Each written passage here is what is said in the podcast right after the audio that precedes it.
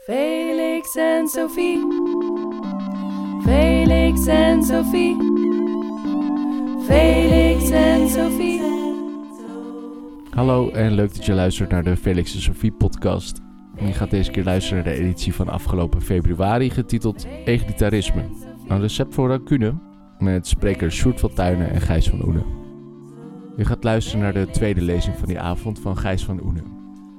Van Oene is universitair hoofddocent aan de Erasmus Universiteit en daar houdt hij zich onder andere bezig met politieke en sociale filosofie. Daarnaast heeft hij onderzoek gedaan naar de maatschappelijke vermoeidheid tegenover de moderne democratie met zijn al te hoge verwachtingen. Veel luisterplezier. Hi, goedenavond. In de genealogie van de moraal onderscheidt Friedrich Nietzsche tussen voorname mensen en onmachtigen, het noemen of roemen niet waard. De voornamen zijn van oudsher machtigen. Zij stellen eigen waarde vanuit zelfsprekendheid en handelen daar ook naar. Althans, ze hebben die roem. De onmachtigen doen en hebben dit niet. Zij gelden in het jargon als reactief. Beide leven letterlijk en figuurlijk in gescheiden werelden. Mocht er toch een keer een confrontatie plaatsvinden, dan zullen de machtigen zich doen voelen. Jacques Rancière heeft een voorbeeld ontleend aan Herodotus' historien over een opstand waarin de slaven van de Skieten verwikkeld zijn. Hun meesters, die, hun meesters, die wegens oorlog van huis weg zijn geweest, hebben hun slaven te lang alleen gelaten, zonder toezicht. Die hebben daardoor hun onafhankelijkheid herwonnen en verzetten zich met succes tegen de terugkeer van hun oude meesters. Totdat een Skitische krijger zijn metgezellen de volgende succesvolle tactiek voorstelt. Ik ben van mening, zegt hij, dat we onze speren, onze bogen daar moeten laten en dat we ze elk naderen met de zweep waarmee we onze paarden zwepen. Tot nu toe zagen ze ons met wapens en dachten ze dat ze onze gelijken en van gelijke afkomst waren. Maar als ze ons zien met zwepen in plaats van wapens, zullen ze weten dat ze onze slaven zijn. En als ze het begrepen hebben, zullen ze toegeven. Toch kunnen ook de machtigen wel eens vergeten dat ze machtig zijn. In de Ilias vinden we het toegegeven uitzonderlijke geval van Odysseus, die aan zichzelf begint te twijfelen wanneer hij geïsoleerd raakt op het strijdveld, omsingeld door Trojanen en, voor zijn, hij vreest voor zijn leven. Goede raad is duur, maar luister wat hij dan tot zichzelf zegt. Wee mij, wat moet er van mij worden? Rampzalig als ik beducht voor de overmacht vlucht. Erger nog, als ik in mijn eentje word gevangen. Maar waartoe overweegt mijn hart, Timos, zegt Odysseus, deze dingen? Ik weet toch dat lafaards de oorlog ontvluchten. Wie uitblinkt in de strijd, hij houdt krachtig stand. Of hij anderen wondt of gewond wordt. Daarop pakt hij zijn speer krachtig vast en doorboort weer als vanouds de ongelukkige Trojanen. Odysseus vervalt dus eventjes in potentieel verlammende reflectie, zoals later bijvoorbeeld Hamlet, maar vindt daarin gelukkig slechts wat hij al was, een held. Odysseus' reflectie is daarom, langs Nietzscheaanse lijnen gedacht, geen pathologische stoornis, maar een eenvoudige storing. De verbinding is tijdelijk even verbroken. Problematischer is het geval van Achilles, die we aan het begin van de Ilias mokkend aantreffen in het zand voor Troje probleem is hier de oorlogsbuit der aanvoerders, die mede bestaat uit gevangen genomen en tot slaaf gemaakte meisjes. De Trojaanse priester Chryses probeert Agamemnon, de voornaamste der Grieken, want degene met de meeste manschappen, te bewegen om zijn dochter Chryseis vrij te laten. Agamemnon wil dit alleen overwegen als hij ter compensatie een ander meisje krijgt, Briseis, die dan echter ontrokken moet worden aan Achilles' welverdiende oorlogsbuit. Tegenwoordig zouden we zeggen dat Achilles hier wordt gedist door Agamemnon. En uit wrok daarover staakt hij de strijd. Het probleem is hier dus niet een confrontatie met vijanden of onmachtigen, maar een interne fitty der voornamen en machtigen. Een stoornis in economie van eer en krenking. Ook onder de voornamen, juist onder hen, bestaat onderling wedijver, eerzucht en snoeverij. De krenking leidt tot een problematische stasis, met als enige alternatief een al even destructieve vendetta of bloedwraak. Achilles, nog een van de andere helden, kan actief die impasse doorbreken. Alleen zijn bloedbroeder Patroklos blijkt dat te kunnen. Zij het leidelijk, passief, door in de strijd gedood te worden. Maar ook zien we hier een potentiële vreemdkörper in deze economie. De priester, Gyses, hier wellicht in zijn oudste vorm van vervloeker. Hij richt zich tot Apollo, die hij smeekt om wraak op de Grieken, zoals hij even eerder de machtige Agamemnon heeft gesmeekt. De priester probeert dus macht te ontlenen aan zijn ervaring van machteloosheid. Hij roept niet zichzelf aan, zoals Odysseus, maar een hogere macht. Nietzsche noemt de priester daarom een gevaarlijke mensensoort. Oorspronkelijk, zo speculeert hij, onderscheidde hij zich niet van de andere voornamen. En ieder van de voorname strijders zal wel eens een god verzocht hebben om een gunst. De priester is degene die zich hierin specialiseert, een professional. De priester is een soort specialist, wiens taak het is om de voornaamheid symbolisch te affirmeren. Dat is nog oké zolang, het, zolang het louter ritueel geschiet en dus wordt veruiterlijkt. Nietzsche's gevaar ontstaat wanneer dit vanuit innerlijkheid gaat gebeuren. En zelfbegrip dan dus meer samenvalt, niet meer samenvalt met handelingen. Dus handelingen niet meer een vanzelfsprekende bevestiging vormen van dit zelfbegrip. Als louter gebrek, laten we zeggen verlaging van vermogen, zoals bij een automotor, zou dit nog aanvaardbaar zijn, zij het inferieur. Maar de priesters, alle priesters, sommige priesters, dat weten we dan weer niet bij Nietzsche. De priesters zijn dit gebrek aan zinnelijkheid gaan vertalen in lichamelijke zuinigheid, het ontzeggen van zaken aan zichzelf, ascese. Zij zijn hun eigen macht gaan beperken. Uit die zelfbeperking of machtsontzegging vloeien gevoelens van jaloezie voort, al dus Nietzsche. En bij de, of sommige priesters, gevoelens van haat en wraak. Maar gaat iedere zelfbeperking vergezeld van verinnerlijking? Is iedere verinnerlijking giftig? Of zelfbegrip en zelfbeperking slecht zijn, los van verinnerlijking, komen we bij Nietzsche niet achter. Een voornaam mens die de eigen macht beperkt, is in zijn universum, per definitie pathologisch, ongezond, onhygiënisch, gedegenereerd. Maar waarom zo'n pseudomedische zienswijze die uitmondt in een genealogie van de moraal in plaats van een politieke zienswijze? Het experiment van de zelfbeperkers kunnen we ook anders zien. Hoe met een bereflecteerde beperking van de eigen macht een grotere collectieve macht kan worden ontketend. De priester verandert dan in de politicus. Die in en aan de groep der voornamen toont dat zelfbeperking en compromis een voortzetting en uitbreiding van macht kunnen zijn. Mits men bereid is om de eigen eer en krenking daarvan niet meer automatisch als interne casus belli te beschouwen.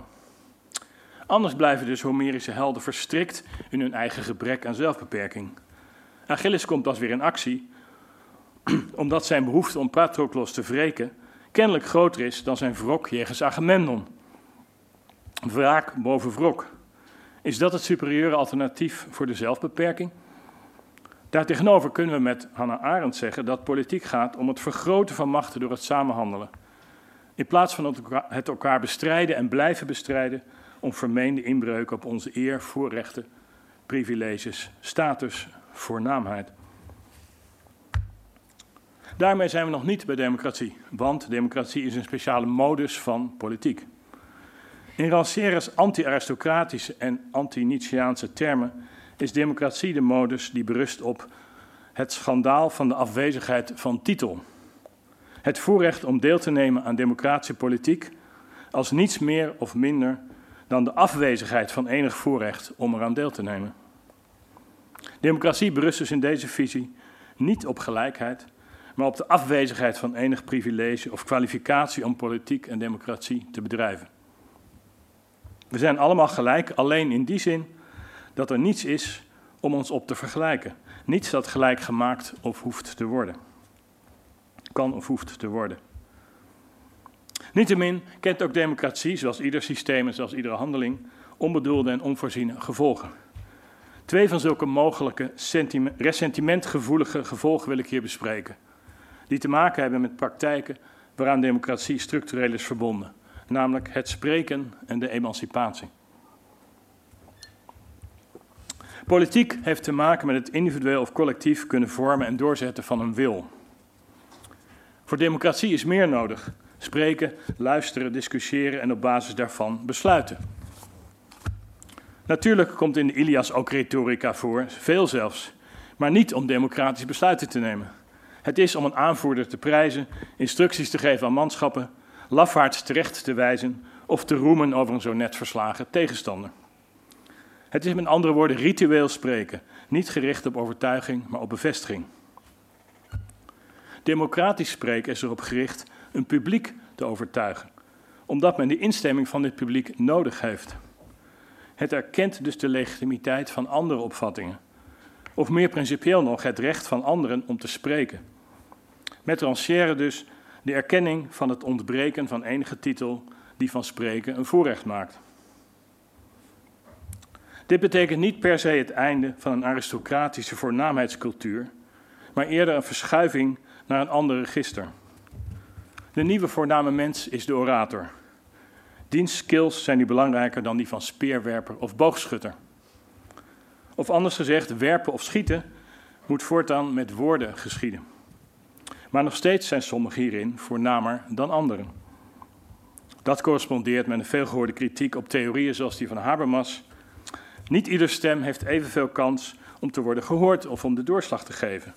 Omdat ook in het spreken er een groep voornamen is die de boventoon voert en daarmee gewone mensen of minderheden aftroeft. Exit democratie. Maar anders dan het traditionele aristocratische spreken, dat zoals gezegd ritueel en affirmatief van aard is, en dus mensen en zaken laat zoals ze zijn, moet de democratische retor het publiek zien te overtuigen. Dat geeft aan het publiek een machtspositie. De wil van de machtiger is niet meer wet. Verschijnt hiermee dan noodzakelijk ressentiment op het toneel? Nee, want er is hier niet evident verinnerlijking in het spel. Nodig is niet meer dan dat anderen, de niet-machtigen, die echter samen wel machtig kunnen zijn, dat anderen nu de status en de mogelijkheid hebben om van opvatting te verschillen met de voorname spreker. Tenzij de gedachte zou zijn dat verschuiving van vechten naar spreken op zichzelf al ressentimenteel zou zijn. Maar waarom zou dat zo zijn? Ook de aristocraat ontkomt niet aan periodieke bij- en omscholing. Of het moest zo zijn, en die verdenking jegens Nietzsche is misschien wel terecht, dat de voorname mens is gedefinieerd als degene die nooit van status of kwaliteit hoeft te veranderen. Die dispensatie heeft van integratie, zoals Willem Schinkel wat in een andere context mooi heeft uitgedrukt. Maar dat zou met recht een reactionaire positie mogen worden genoemd. De verschuiving naar een politieke spreekcultuur impliceert wel dat alle deelnemers een mogelijke, al dan niet tijdelijke, rolwisseling moeten kunnen accepteren. Het kan zijn dat je je als uitkomst van de collectieve woordenstrijd periodiek aan een ander moet onderschikken. Zoals Aristoteles terecht vaststelt in zijn Politica, is het in republieken een kwestie van om de beurt heersen en overheerst worden. Maar ook hier is het niet noodzakelijk is niet noodzakelijk een rol voor ressentiment. Nog steeds is het zo dat wie zich voornaam mag noemen, de uitkomst is van een strijd tussen gelijkwaardige tegenstanders. Het is zelfs eigenlijk voornamer om af en toe, zij het niet al te vaak, in zo'n, straat, in zo'n strijd het onderspit te delven. Dan is het des te roemrijker om vervolgens weer te overwinnen. En wie bereid is om strijd te leveren met waardige tegenstanders, moet ook bereid zijn om regels voor die strijd te accepteren. En zelfs in ieder geval ten dele, te verinnerlijken. Anders zou je immers een willekeurige ander moeten erkennen als superieur, als iemand die regels aan jou kan opleggen. En die ander zou dan, Hobbesiaans geredeneerd, in feite de meest voorname zijn. Dan van de Atheense naar de moderne democratie. De Atheense democratie bestond in lijn met Hannah Arendt vooral als republikeins principe. Het, met, het zich met elkaar meten in de publieke ruimte. Het ging daar dus primair om politiek en niet, of pas secundair, om democratie. De emancipatie maakte dat anders. Als product van de verlichting verwerft de geëmancipeerde mens een nieuwe status. Die mens heeft van niemand permissie nodig om zich uit te spreken of zich te laten vertellen hoe te leven. Emancipatie maakt democratisering onvermijdelijk. Democratie is de politieke implicatie van emancipatie. Met de politiek wordt hiermee ook de heldenstatus gedemocratiseerd. Hegel constateert in de rechtsfilosofie terecht dat er in de moderne staat geen behoefte meer is aan helden. We kunnen zo gezegd gewoon de ANWB bellen. Wie dat uit principe niet kan uitstaan, met andere woorden zich op het standpunt stelt dat de emancipatie zelf al berust op ressentiment, kwalificeert opnieuw als reactionair. Als iemand die eist te worden vrijgesteld van de gevolgen van andermans emancipatie. Maar toch, iedereen een held, gaat dat wel goed. Het is toegegeven de stiekeme droom van het socialisme. Democratisering leidt tot moderatie van het heldendom. Middelmatige helden, zo gezegd. Dat is een beweging die ressentiment zou kunnen oproepen, maar wel beschouwd van twee kanten. Dat kan van de kant zijn van degenen die vroeger niet van tel waren, maar zich nu sociaal en politiek empowered voelen. Die zullen bijna onvermijdelijk de nieuwe status mede ervaren als iets van een revanche op degene die voorheen een monopolie claimde, op de voornaamheid om zich uit te spreken en zich door niemand te laten vertellen hoe te leven. Zij zullen de verleiding wellicht niet altijd kunnen weerstaan om als, Romeer, om als Homerische helden nieuwe stijl te roemen over hun nu wel, weliswaar niet verslagen, maar wel cut down to size tegenstander. Het is echter de vraag of we veel inzicht winnen door bijvoorbeeld het socialisme tot ressentimentele beweging te verklaren, zoals Peter Sloterdijk heeft gedaan in Zorn und Zeit, waar hij spreekt van vakbonden en socialistische partijen als woedebanken waarop arbeiders hun ressentiment kunnen stallen om daarop zodoende te kapitaliseren. Maar ressentiment kan ook komen van de kant van degene die vroeger de vanzelfsprekendheid van aanzien en macht genoten. Hun macht en vermogen neemt weliswaar in absolute zin niet af, maar wel in relatieve zin. De voornamen zitten hier met het probleem dat Aristoteles al formuleerde. Om voorname deugden te kunnen praktiseren, moeten er bij implicatie anderen zijn die ondeugdelijk, onedel, verachtelijk zijn. Wanneer die anderen door de emancipatie sociaal en anderszins dichterbij komen, kan die aristocratische verachting makkelijk veranderen in gevoelens van, van ongelijkheid of ressentiment. Zoals we die bijvoorbeeld vinden bij de aanhang van Jordan Peterson of bij de Civitas Christiana. Een groep van zeg witte mannen die ziet dat zij als enige niet verder kunnen emanciperen en zich dus links en rechts ingehaald zien door groepen die hier nog wel winst kunnen boeken.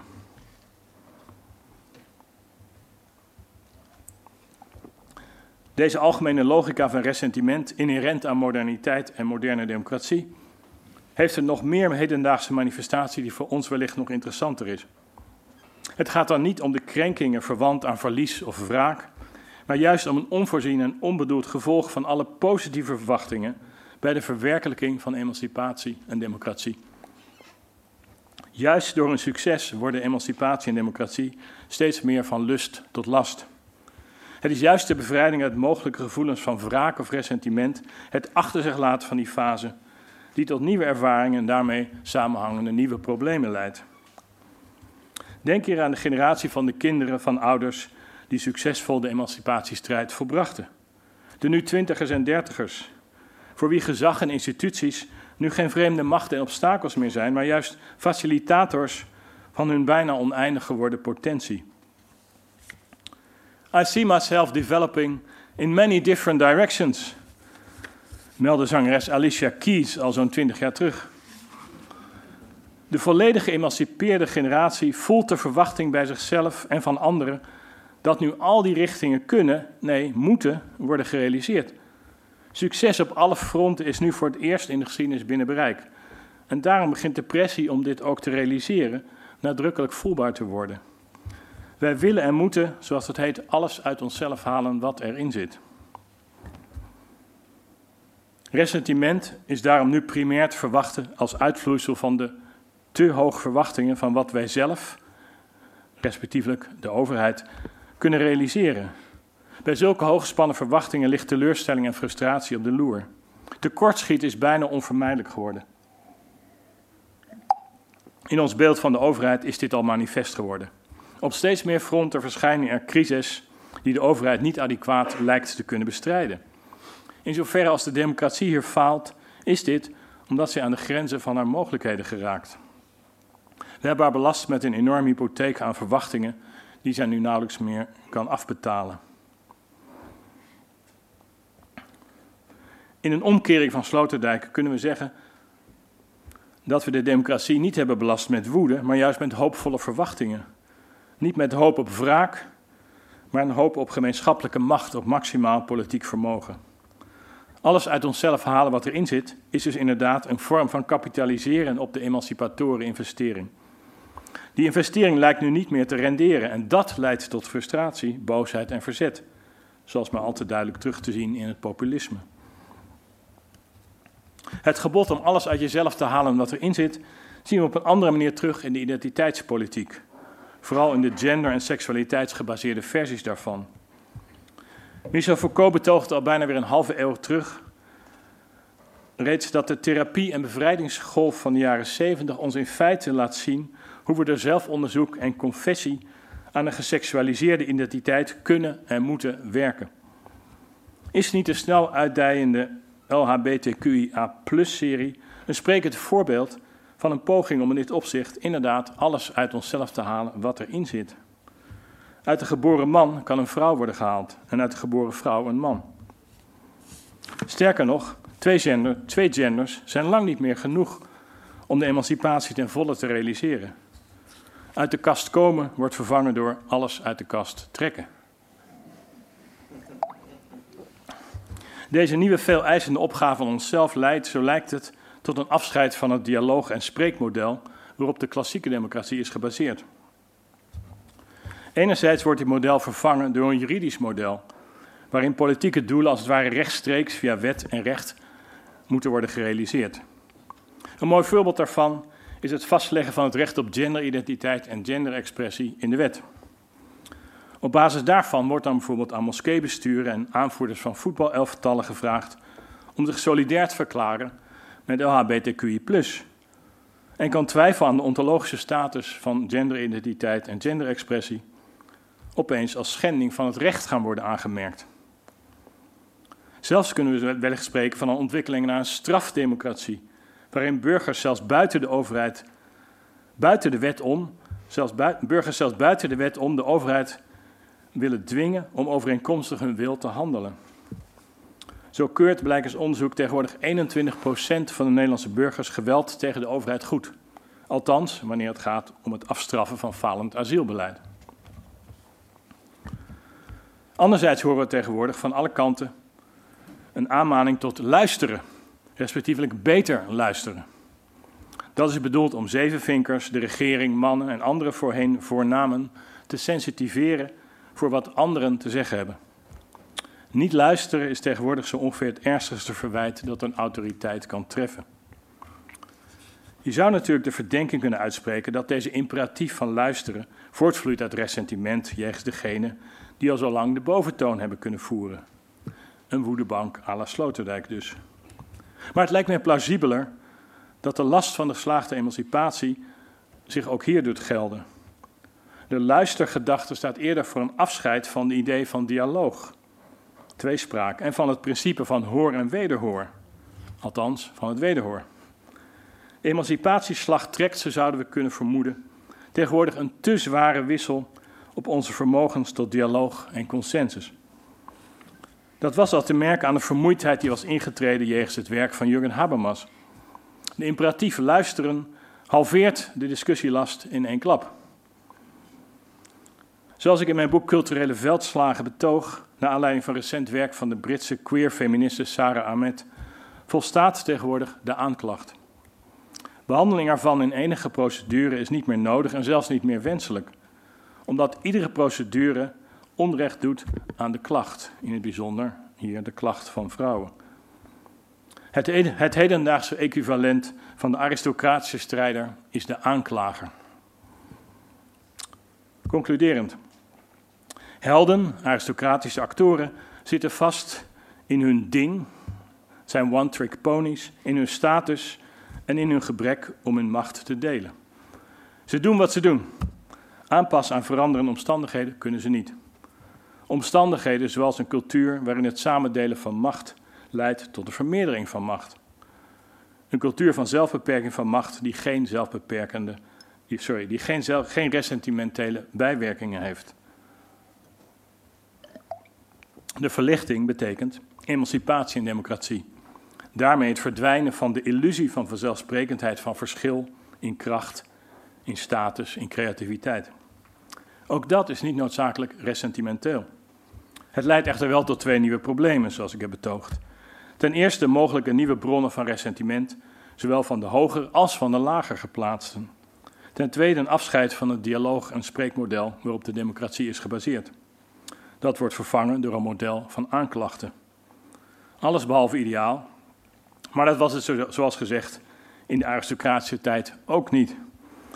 Belangrijkste verschil is dat we nu strijden en aanklagen zonder titel, zoals Rancière zegt. En dat is vooruitgang.